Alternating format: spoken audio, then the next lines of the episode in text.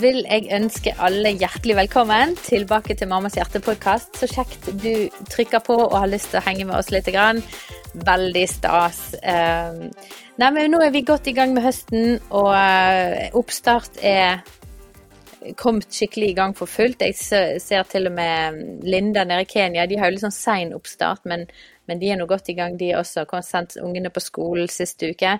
Um, så det er godt å være i gang. Jeg syns at det, det, er en god høst. Uh, foreløpig en veldig god høst. Uh, foreløpig så sitter jeg uh, Foreløpig, nå må vi veldig mye foreløpig her. Men um, jeg sitter altså uh, holdt på å si alene. Ikke alene alene, men jeg, min makker, min sidekick, min fantastiske eminente Ingrid Nette, er ikke med i dag fordi hun, det var litt komplikasjoner på hjemmebane denne uken. Så hun sa bare kjør på, gjør eh, opptakene du, Katrine, og så kommer jeg sterkere tilbake neste uke. Så vi savner deg her, Inger Nette, men eh, du, mammajobben er viktigere enn Mammas hjerte-podkast, utrolig nok. Nei da, det er jo absolutt så viktig at Inger Nette tar og setter av tid og krefter til det som er det aller, aller viktigste, sine egne barn. Men jeg har med meg en spennende gjest eh, i, eh, i, studio her på den digitale studioplattformen. Det er jo sånn vi i høst har tatt gjort de fleste opptak. Vi sitter sjeldnere og sjeldnere i studio, og det syns jeg er litt trist, men det er sånn det er. Men da får jeg muligheten til å snakke med folk som bor på helt andre plasser i Norge. Og i dag har vi med oss Liv Marit fra Kristiansand. Hei, Liv Marit. Ja, hei. Jeg heter Liv Marit Rosenblad. Jeg er fra Arendal. Arendal er det. Er det feil ja. det å si Kristiansand, da?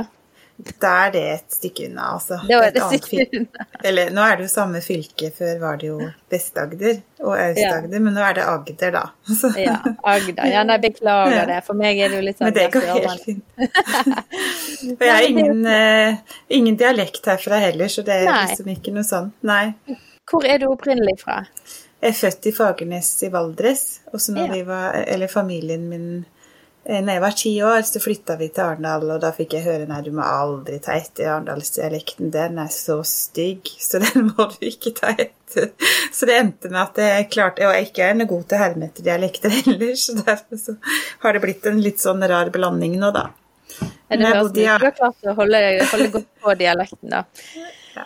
Nei, det er litt sånn ingen, ingen, dialekt. Og jeg syns det er veldig fint med dialekter. Jeg syns arendalsdialekten er kjempekoselig. Så, men sånn ble det nå. Ja, sånn ble det. Uh, ja. ja. Vil du si litt mer om deg sjøl?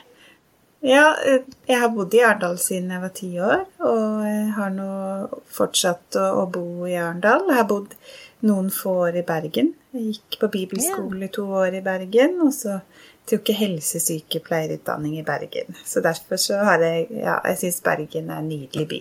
Fantastisk by. Elsker den bare turkulturen hvor man bare ja. kommer seg ut uansett vær. ja. Men var det sånn du, du fornyet jo regntøyet mens du bodde der? For det hører jeg mange som bor i Bergen, flytter til Bergen. Så er det det første de må investere i? Det er støvler og regntøy. Ja, det Jeg husker i hvert fall jeg var masse på tur og elska det opp på Løvstakken og fra ja, Fløyen til Ulriken gikk jeg masse mm. og koste meg masse i Bergen. Nei, så kjekt. Jobba litt på Haukeland òg når jeg bodde der. Mm. Ja. På barneklinikken på Haukeland. På barneklinikken, så kjekt. Det var gøy.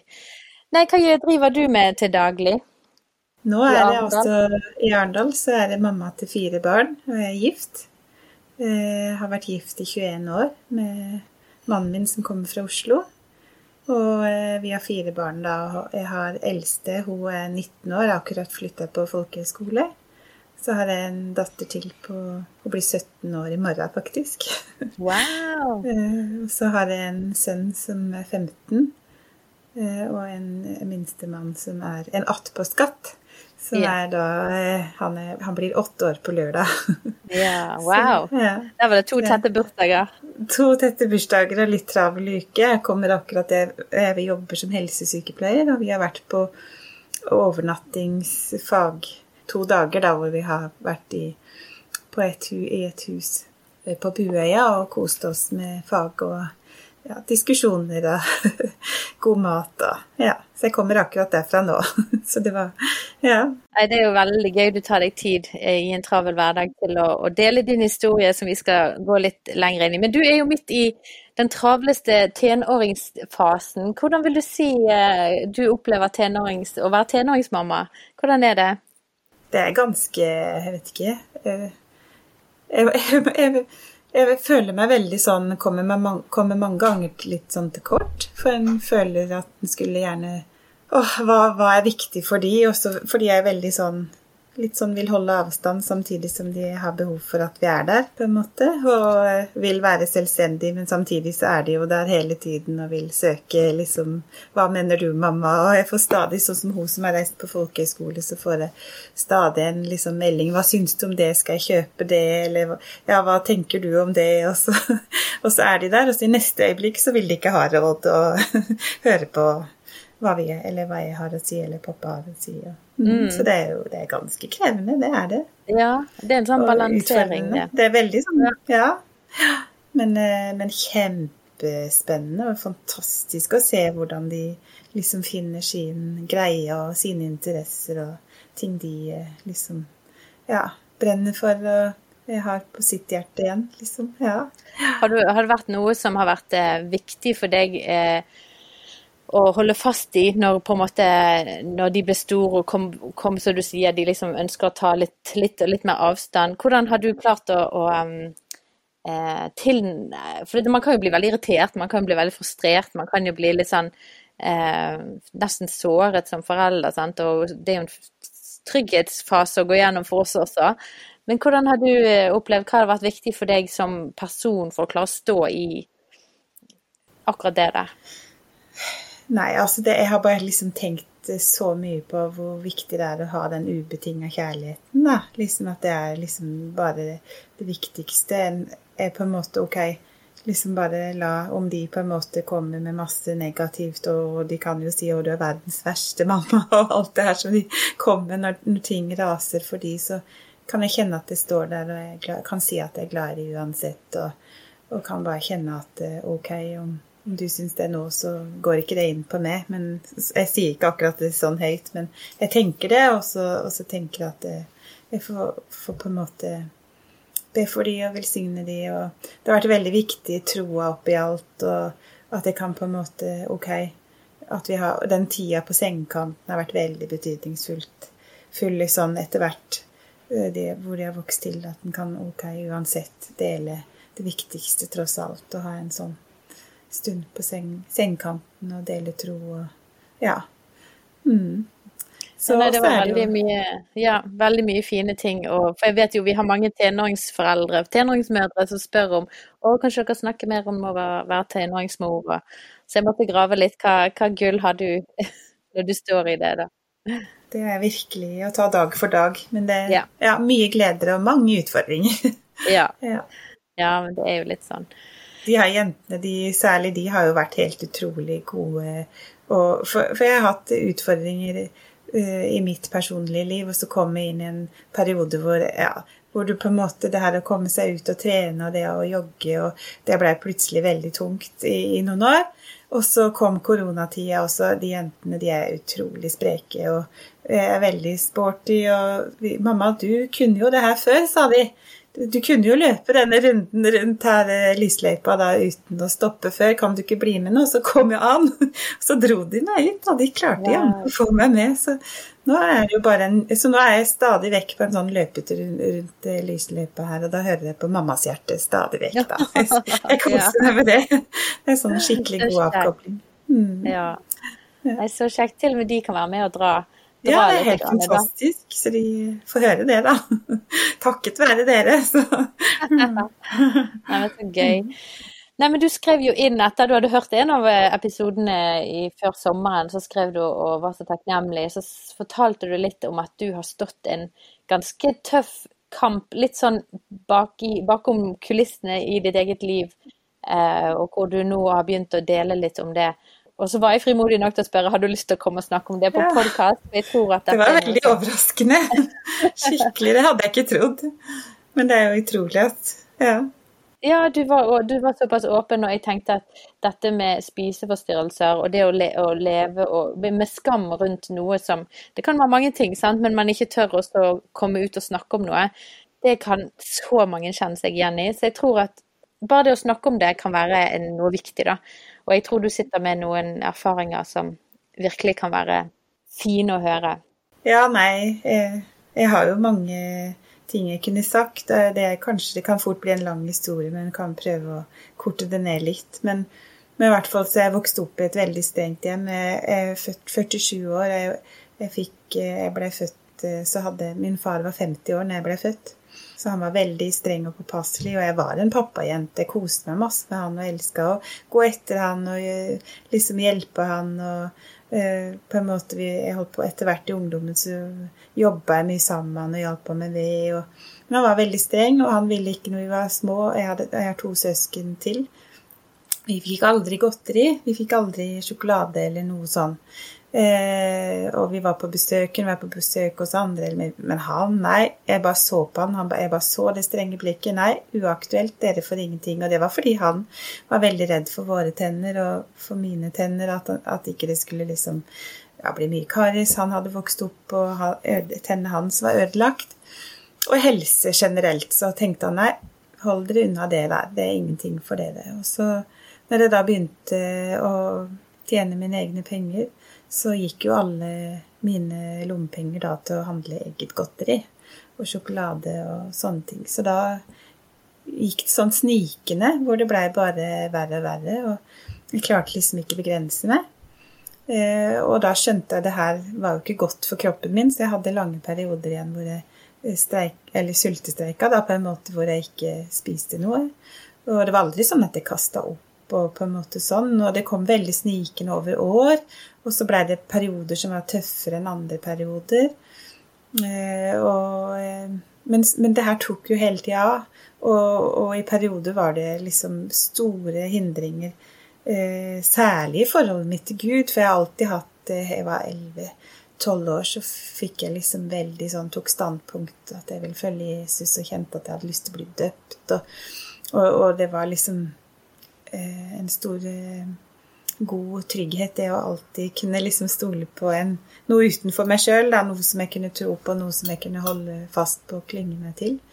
Eh, men så i de periodene da hvor det blei mye mat og mye liksom hele tida oksehunger og behov for å spise og spise, da blei jo på en måte det fokuset. Og egentlig så hadde jeg veldig trang og lyst til å søke Gud og Han, men så blei det bare det som sto i hodet mitt, da det stengte jo for så mye. Også perioder igjen hvor jeg måtte liksom kunne ikke spise, for det, det gikk bare jo helt galt av sted. Ja, Ble det da at det ikke bare var eh, snop og godterier, men det ble, gikk over til annen mat også?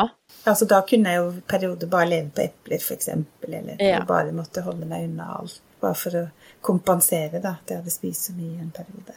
Eh, og det her, her har jeg klart liksom å skjule. Jeg har ikke egentlig tort å snakke med noen om det hele. Eh, I par, verken i parforhold eller eh, i jobben min, både som sykepleier og helsesøster, så har jeg liksom bare levd i det skjulte i det her, og så har jeg bagatellisert for meg sjøl og tenkt det er jo ikke så ille. Det er jo ikke så farlig, på en måte. og ja, og så har jeg i perioder vært så lei meg. Jeg husker jeg gikk stadig vekk. Jeg er veldig glad i å gå tur, så jeg har gått mye tur alene. Tårene kunne bare renne. Jeg følte nei, nå må jeg virkelig få noen å prate med. Og så har jeg kjent åh, jeg vet jo det systemet der hvis du skal begynne med psykolog, og så blir alt liksom så veldig voldsomt, og så er det så sykelig, liksom. Og så kjente jeg på en måte at det her var sykelig, men på en annen måte så kjente jeg at det er jo ikke så ille. Så ja, men jeg hadde ingen å diskutere det med. Jeg, jeg, jeg torde ikke å åpne meg. Verken eh, Nei, ikke for noen. Det var så skamfullt for meg. Det var så ekkelt. Ja. For, for, å være på en måte eh, den eh, stemmen som da bagatelliserer det litt, da. Hva var det som Hvorfor tror du at det var på det sykelige nivået?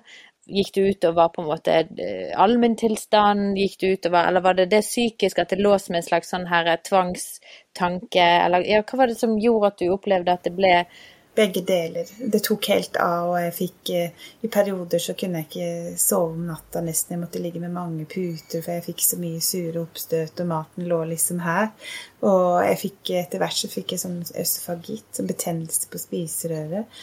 Og eh, bare masse halsbrann hadde jeg alle svangerskapene, men det ble jo ikke noe bedre på en måte når jeg hadde de vonde periodene. Jeg, det var bare mat som sto i hodet mitt. Sant? Hva kan jeg, hva, jeg I perioder jeg måtte bare ha liksom minst 200 gram sjokolade i veska konstant.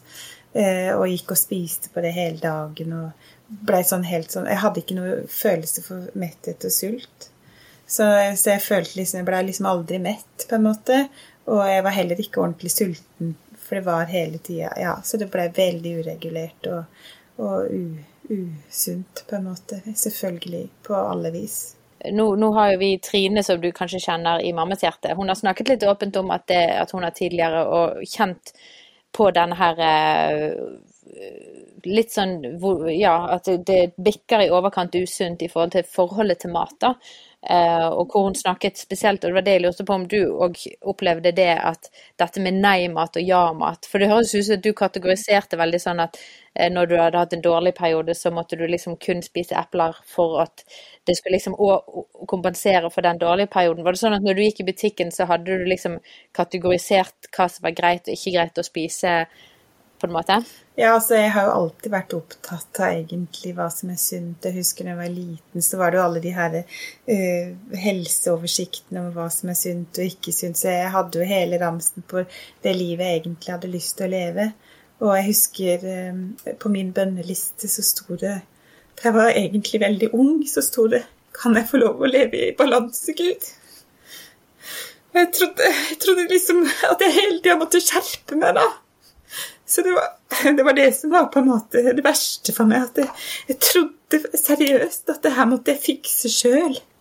At det her måtte jeg skjerpe meg med. Det her kunne jeg jo klare. For jeg visste jo veldig godt med mine intellekt at hva, hva er sunt, hva er lurt, hva er ikke lurt, liksom.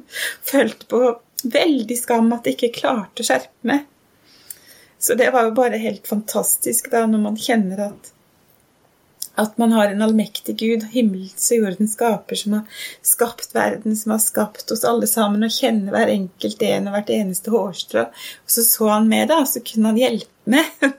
Det, det, det, jeg trodde aldri det var mulig, liksom, at han kunne liksom møte meg. for det er jo liksom sånn en, en har hørt Jeg vokste opp i et kristent hjem og har hørt alle bibelhistoriene og tenkte liksom ja, Jesus ja, han gikk rundt på jorda, han snakka til alle andre, liksom, og han snakka til store folkemengder. Men så var han jo der på enkeltpersoner, men jeg trodde aldri det gjaldt meg så personlig, da. Så det er jo det som var så fantastisk, da, at jeg fikk virkelig oppleve Jesus så personlig. At han traff mitt hjerte, han hjalp meg, han løste meg, han satte meg helt fri fra det her.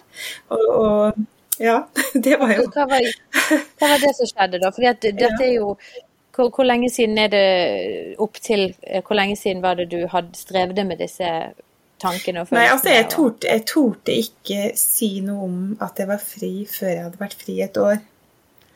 For jeg tenkte jeg, jeg ville jo virkelig ikke liksom Er det virkelig sant? Så jeg torde egentlig ikke å snakke om det før i påska i år. Da hadde jeg vært fri et år. Oi, så i påska i år, da Så nå er det jo ett, blir sikkert ett og et halvt år siden. Et og et halvt år siden. Ja. Eh, så det var liksom på det verste i koronatida, når eh, vaksinen og det kom. Så For jeg fikk eh, jeg, jeg, jeg, fikk en av de første vaksinene med, med AstraZeneca-vaksine. Og den var det jo mange som ble ganske syke av. Og jeg fikk eh, veldig bivirkninger. Jeg ble lagt inn med mistanke om de her alvorligste eh, bivirkningene.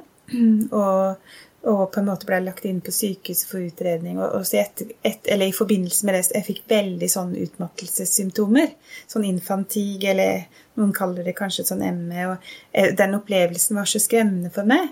Eh, jeg blei virkelig redd. Altså. Jeg tenkte i alle dager, for der òg hadde jeg liksom Jeg er et sånt arbeidsjern og jobber mye hjemme, og det, det, går i 120. Og når jeg da Jeg husker det var rundt påskeåret før, da, eh, hvor jeg, hvor jeg liksom, eller den tida hvor jeg skulle bare fylle påskeegg til barna mine. Jeg måtte ta pause mellom liksom ting jeg fylte oppi. Jeg måtte ta pause mellom hver skuff i oppvaskmaskinen. For jeg klarte ikke. Jeg måtte bare legge meg. Jeg kunne ikke skjerpe meg. Jeg måtte bare falle helt sammen. Så nei, det var helt grusomt. Og så hadde jeg jo alle de problemene òg med det med mat og de tingene. Og så, men så, så, en dag så i forbindelse med det her så kommer mannen min hjem og så sier han du, jeg har et ord fra Bibelen til deg. sier han.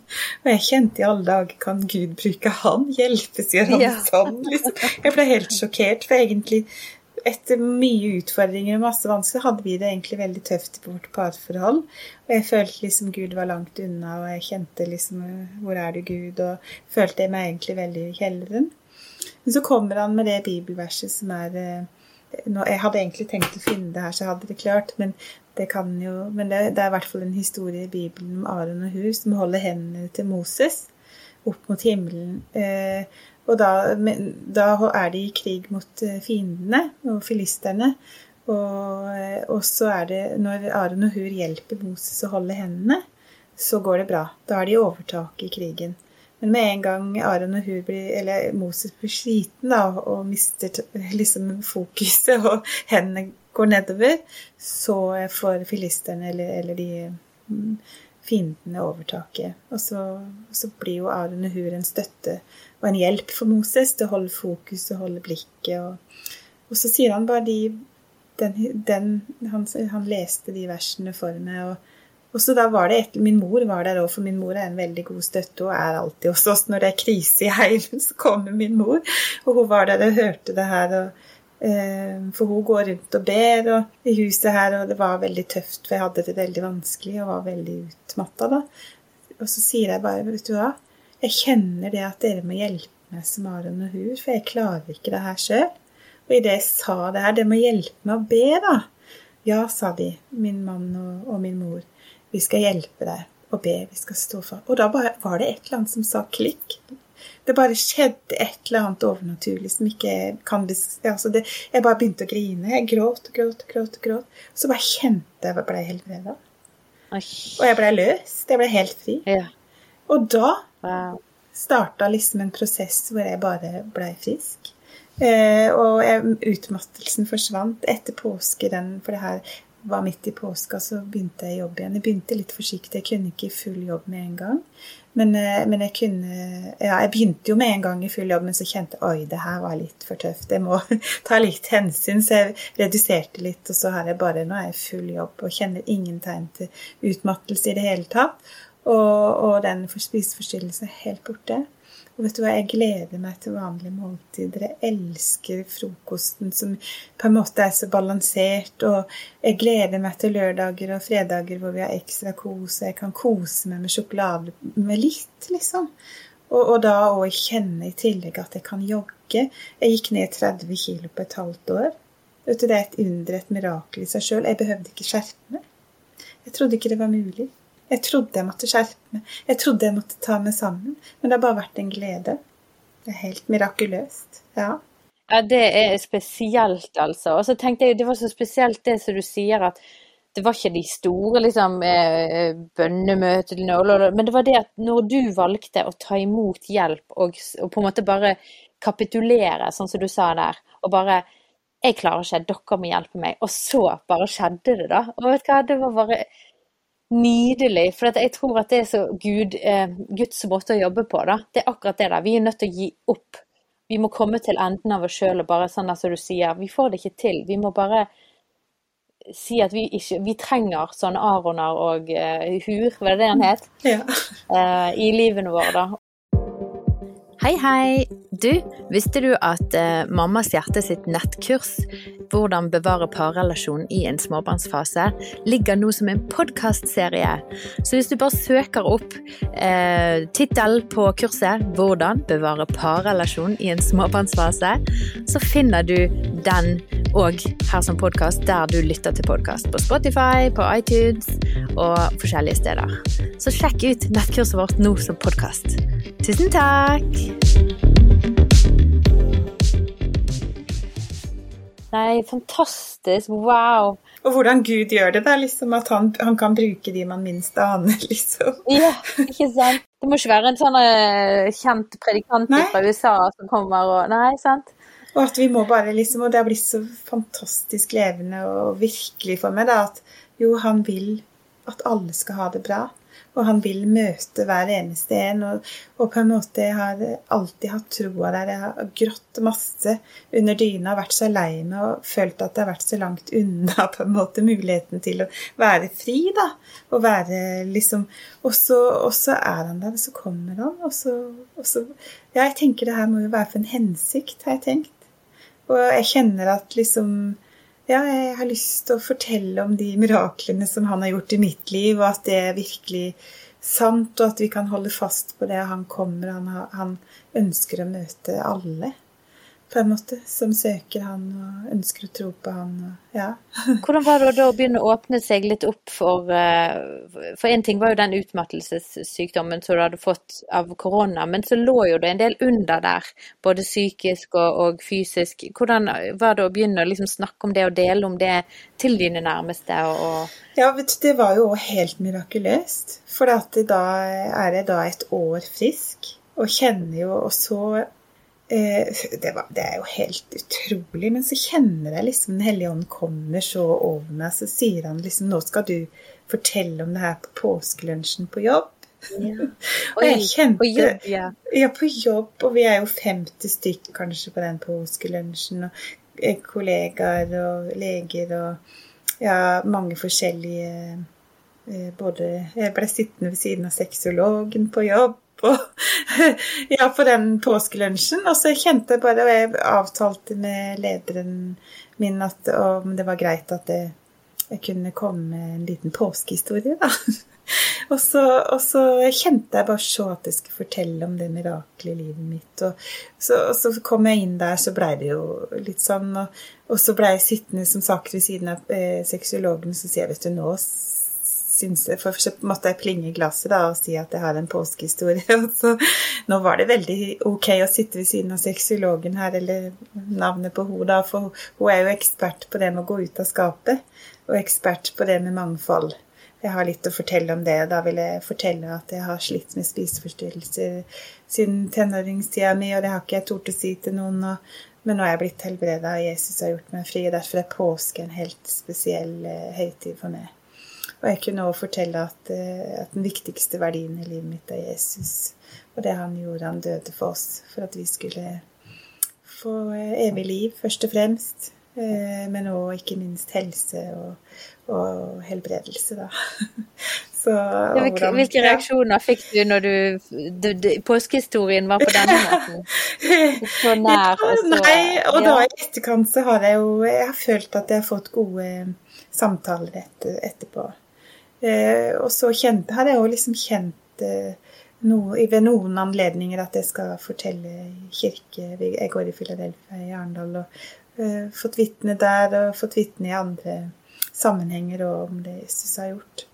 Og eh, kjenner en ny liksom, giv på det med at eh, Jesus lever. Han eh, kan bruke meg òg. For det er jo det er jo òg virkelig en åpenbaring. For en, en, føler jo liksom at Jesus eller Gud kan bruke alle andre. så det har jo virkelig blitt en sånn Å, ja, han kan kanskje bruke meg. Eller han, det er ikke bare kanskje. Han vil bruke oss alle sammen. Og at vi kan få bli brukt der som vi går og er. Og, og, og, og sånn. Så, har så lyst til det, da. Ja. Og at han bryr seg, og, han, kommer, og han, han, vil, han bryr seg om på en måte de såreste, vondeste områdene i vårt liv, da. Og jeg, jeg, har jo en litt annen historie, men jeg òg har en historie som, er, som, han møtte meg på mine sånne sårepunkt og satte meg fri. Og så kan jeg få lov å bruke de historiene og fortelle de, og så når de ut til noen mennesker som trenger å høre det. Og det samme gjelder jo deg, sant? at han bryr seg sånn om deg og det som foregår i ditt liv, så lenge vi bare på en måte slipper taket og sier jeg får ikke dette til sjøl, jeg, jeg overgir på en måte min evne til å prøve, og så hjelp meg. Det er liksom det det handler om. Si hjelp meg. Og så kommer kanskje det der bare Sånn som du sier at det eh, Hos meg var det en lengre periode, men altså det var, eh, det var på en måte Jeg har jo fortalt det litt drypp og drypp av historien min eh, her og der, men det var jo gjennom alle barna Gud ga løfter og satt meg på en måte Ga meg en ny ting for hver av ungene som kom eh, inn i livet vårt. da. Så det ble jo en på en måte frihetshistorie gjennom hele eh, de tre barna, da. Nei, så, så men, og da kan vi, da får vi en ekte ting som ingen kan komme og på en måte ta fra deg. Ingen kan si at den historien er ikke ekte. Det, det der kan du ikke, det, jeg tror ikke på det. Ja, det er greit at du ikke velger å tro på det, men dette er faktisk ekte. Dette har skjedd i mitt liv. Og det skaper, tror jeg, enormt mye når man begynner å fortelle de historiene, da. Hei du! Visste du at Mammas hjerte er en del av Tro og Media? For å lære mer om tro og media, så kan du søke opp på tromedia.no, eller følge oss på sosiale medier. Wow, for en historie du har å fortelle, da. For det har jo òg vært en bønn, liksom få lov å være hode og ikke hale i vanskelige omstendigheter eller vanske, en sånn vanskelig livssituasjon. Og, og jeg har liksom kjent øh, Åssen skal det være mulig, liksom? Det er jo helt umulig. Jeg er liksom ja, sånn som Sara kan le av det, liksom. Det, det er på en måte også er det jo mulig. Og det er mulig for alle. ja, det, og det er liksom, når, når, kjenner, når, jeg ble møtt, ok, men da kan han da er han mektig til å møte alle som vil. Ja. Det er, det er, han gjør det på det sin måte. Alle. Det er for alle. Han gjør det på sin måte, og det er for alle. Men hvordan eh, eh, nå, ett og et halvt år etter du opplevde denne ganske momentante frigjøringen, er det sånn at på, på, på, vonde dager, svake dager, slitne dager, kan du kjenne at disse tingene kommer og på en måte prøver å eh, ta overkontroll av deg igjen, eller er det sånn at du ikke har kjent at det har vært noe utfordring i ettertid? Nei, altså egentlig så har det jo egentlig fint litt ikke vært. Altså jeg har kjent kanskje av og til Oi, nå spiste jeg litt godt med i kveld eller på lørdag, eller det var et eller annet, og så Men det regulerer seg så greit at da eh, spiser jeg ikke så mye neste dag, eller Men det er ikke noe sånn at jeg har kjent at jeg har havna i det igjen, eller fått noe tilbakefall, eller Jeg bare føler meg så fri og glad, og føler at eh, livet er godt å leve, og, og det med, med med mat og det med å få lov å leve i balanse på plass, liksom. Og at jeg kjenner jeg kan nyte hverdagene på en helt annen måte. Ja. Kose meg, liksom, og se fram til liksom Ja. Eh, og ikke minst føle at kroppen, som, jeg sa og nevnte litt, så Ja, det har jeg å kunne få lov å løpe igjen. Og på en måte kjenne at man kan eh, ja, være glad og fri og nyte øyeblikkene i naturen og få påfyll der. Og bare kjenne at en blir møtt av Gud når det liksom Ja, han kommer med sin kjærlighet og godhet når jeg er aleine i skogen, eller Og at han er der og passer på at det liksom Jeg har veldig sånn Kjenner et enda nærmere og sterkere forhold personlig til, til Jesus og min venn og bestevennen. da og at han vil oss vel og, og, kan snakke til oss og gi oss gode tanker og ideer for og så har det òg vært med på å gjøre ja, en hverdagen òg spennende, da. Jeg vil jo tro at når man ikke har noen sånne ting uh, som man lever med i skam, som på en måte er hemmelig, man lever mye mer åpent, man lever i en slags frihet, sånn som du opplever her, som du beskriver. Hvordan påvirker det familien din, da? Fordi det må jo ha gjort noe, en positiv effekt inn i dine nærmeste relasjoner. Jeg tenker på til din ektemann, til dine barn. Um, har du sett noe endring? Kjenner du at det liksom har vært eh, Det har på en måte smittet over et eller annet? Ja, altså For det første så kjenner jeg jo det at jeg er forelska i min ektemann på en ny måte igjen.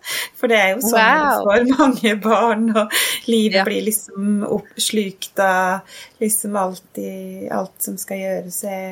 Han er veldig sånn friluftsmenneske og jakt ikke sant, og mye ut med hunden. Og så har jeg blitt sittende inne med, med barna og legging. Og, øh, og gjør det gjerne gjør det med glede, for jeg elsker det overalt på jord. Men så hvor er tida med oss to sammen, da? Så det er jo det jeg kjenner at det har bare blitt så eh, fornya, da, vårt forhold. Vi kan gå på en sykkeltur sammen, kjenne meg småforelska igjen, eller sånn forelska igjen, sånn som jeg gjorde i starten. Det er helt fantastisk. Ja. Så ja. Og at for det smitter jo over på ja. ja og det, for, for, sånne endringer i livet, det, det gir jo eh, liv inn i hele livet, da. Det var litt det jeg ville frem til, og det opplevde jo jeg sjøl òg, at det gir liv. Da blir ikke det et svart hull som på en måte bare tapper og suger og drar ned, liksom. Um, wow. Nei, for en fantastisk uh, det tykte litt opp, så det var vel derfor jeg sendte en respons. Så ja, er veldig, det er helt fantastisk. Så jeg har liksom veldig sånn behov for Åh, alle må få del i det her, altså. Ja.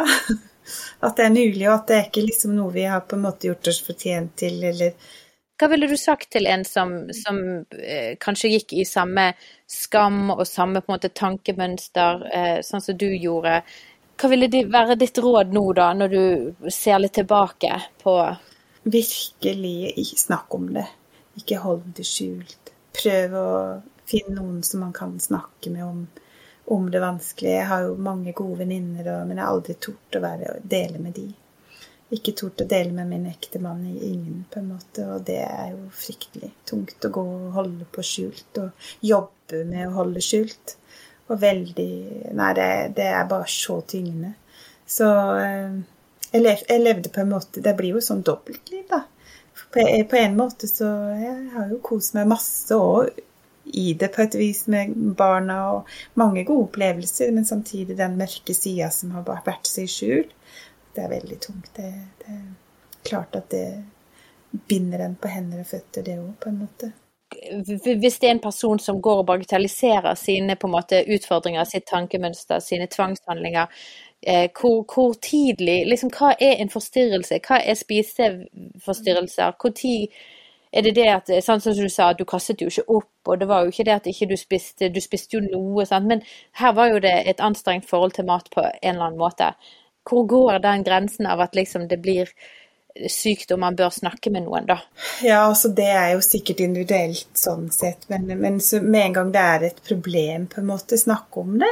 Når det er minst mulig, for da er det jo lettest å gjøre noe med det, på en måte. Å dele det. Ja. Men det er lettere sagt enn gjort, da. Men, men og, ja.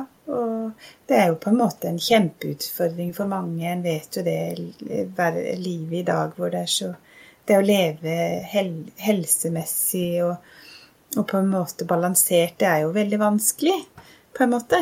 For, for, det er jo så mange Det er så stor tilgang, og ja, alt en vet jo livsstils Eller de utfordringene er jo enorme nå.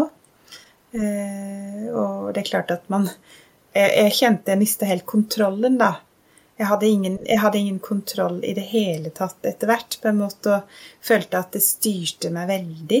Eh, det her med, med mat, og at det var bare det hadde tankene så det ble som et stort fjell. Det har jeg egentlig sammenligna det mye med. At det var et stort fjell i livet mitt som var bare så i veien for det med mitt personlige forhold til Gud, og det med å kunne være trygg og eh, liksom ja, senke skuldrene og være fri og meg sjøl. Eh, og som jeg tenkte var helt umulig. altså Det måtte i tilfelle flytte det fjellet sjøl, da, med egne uh, Og det ja, får man jo ikke til så Nei, og det gikk jo ikke. Det var jo helt umulig. så jeg trengte jo virkelig hjelp, da.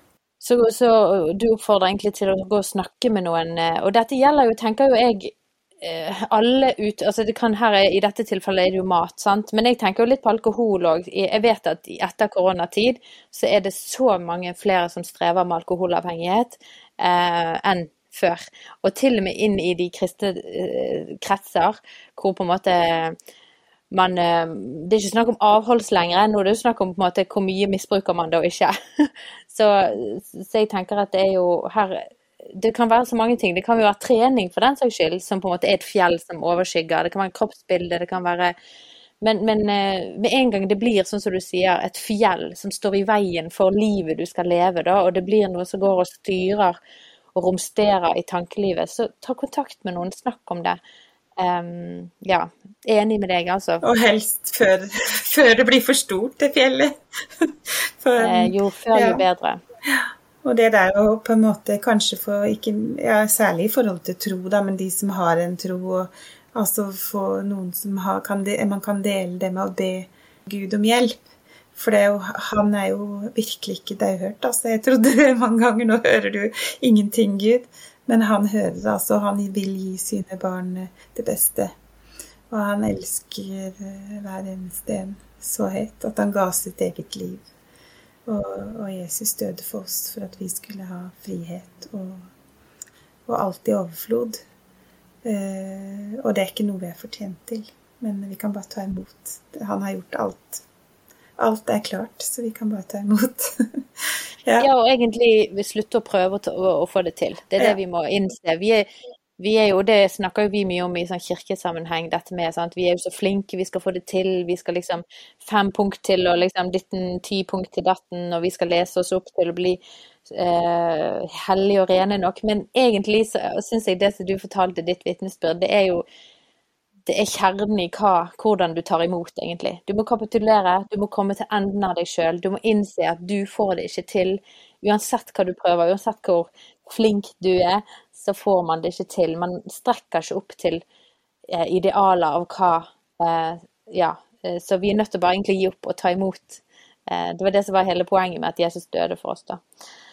Så det var jo veldig sterkt at det var veldig sånn du opplevde det, at med en gang du sa 'hjelp meg', 'hjelp meg å be', så bare løsnet det. Jeg syns det var sterkt, altså. Ja, det er helt oi, fantastisk. oi, oi. Ja. Så, så at vi kan få lov å være med og, og be for hverandre, når, ja, vennene våre og de vi er sammen med, og at ja, troa på at han, eh, han vil, han skal gjøre det. Ja.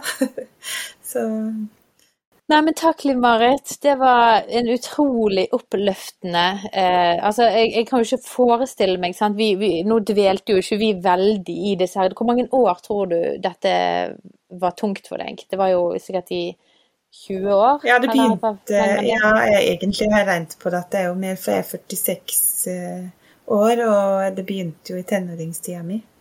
Sånn i 13, 13, 14, 15. Ja, så eh, hvor mange blir det, da? Nesten 30, da. Altså, ja. Ja. Jeg har egentlig tenkt på det at det er jo faktisk over eh, Det er jo over eh, 20 år, faktisk, altså. Skal vi se. Ja, det er over halve livet. Det er over uh, Ja, 30 år. 30 år, ja. 31. For det er nok sånn at vi, Du kunne jo malt opp, og vi kunne jo eh, snakket om situasjoner og, og, og tanker og hva du gjorde og ikke gjorde. Men, men eh, jeg syns det var viktig og det var godt å komme til liksom, hva var det som skjedde da. Eh, og, men, men tenk du har levd i et sånt mørke, i en sånn skam i 30 år. Det er jo helt Jeg undrer ingen det, og jeg kjenner bare det at Å, men, eh, men ok, Gud. Vi, vi skjønner ikke hvorfor og det går på en måte, men altså, jeg kan leve fra nå av da, og bare kjenne at jo, han lever, og han fins, og han er ekte. Han er ingen død gud eller en død religion, men man må jo våge å ta det steget og ok, ta imot det. ja. Og det er, det, det er dørmila, det. Det er dørstokkmila. Det er jo det. Og jeg kjenner òg liksom i påske i år, så vet du, nattverd og alt ble så utrolig mye mer betydningsfull. Eller, for det er jo ikke noe sånn veldig i seg sjøl, men bare det der å huske på hele clouet, da. Jo, hans blod rant for vår skyld. Jeg husker en av de periodene hvor jeg hadde litt feber, tror jeg var bare sånn rundt 13 år, kanskje. Noe sånt. Jeg var alene. Jeg følte liksom det der å ha en feberinfeksjon var helt grusomt. Og så da blei de orda i Isaiah 53 så levende for meg. Husker jeg, jeg, sa, jeg lå bare under dyna og grein og leste de ordene at ved hans sår så har vi fått legedom og alle de, de der versene. Eh, Det kan vi jo lese ved en annen anledning. Men i hvert fall, og, og det, så det er vi liksom, så det har jo egentlig fulgt med. Men så har det på en måte å, endelig blitt liksom sånn eh, et Livet eller annet- Ja, livet, da. Eh, Og at jeg kan vitne, og jeg kan virkelig liksom si det med hånda på hjertet. Det er liksom ikke bare en barnetro eller en Nei, det er noe mer. Det er virkelig. Mm. Ja. Han har forandret Ja. livet ditt. sant? Det har jo forandra livet mitt. Og jeg har liksom trodd på det, men nå er det virkelig blitt levende for meg. da, At det er jo helt sant. da. Ja. Nei, det er rått. Takk Gud. Ja. Ja, takk Gud. Og takk, takk du for at du vil dele denne historien. Jeg tror at denne kan skape ringvirkninger og skape noe i mennesker, da. Eh, og gjerne en hunger etter å se noe mer i sitt liv, eller bare det å kjenne at man trenger kanskje å innhente noe hjelp eh, på et område man man trenger å holde, få hjelp til å holde hendene løftet, sånn som eh, du spurte om hjelp, da. Så tusen, tusen takk. Og um, takk for at du brukte av din dyrebare, travle hverdagstid til å fortelle. Det var ja, veldig fint. tusen takk for at jeg fikk dele. Det har vært fint. Nei, men så bra. Så da tror jeg vi skal gå til en avrunding og si takk eh, til deg som lyttet. Håper dette kunne løfte deg opp også, like mye som vi kjenner oss oppløftet her hvor vi sitter. Eh, kom gjerne med tilbakemelding hvis du, dette berørte deg på noen som helst måte. Det hadde vært kjekt å høre, for vi elsker å få tilbakemeldinger, sånn som Liv Marit skrev til oss og var så begeistret for en episode, og så, så sitter hun plutselig her da og forteller sin historie. Kanskje det kan være deg som lytter på, hvis du har en sånn et eller annet spesielt som Gud har gjort i deg og endret i livet ditt, sant? Det fins jo helt sikkert mange historier der ute, så ta kontakt hvis du har lyst til å fortelle din historie. Neimen da, Limare, sier vi takk for i dag, og så uh, høres vi i neste episode. Ha det godt!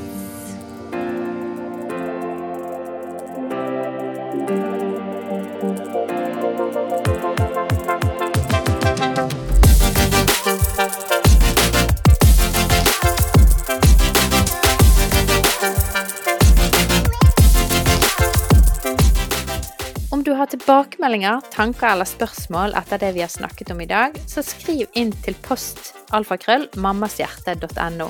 Vi svarer alle mail. For å lære mer om Mammas hjerte kan du besøke vår nettside mammashjerte.no.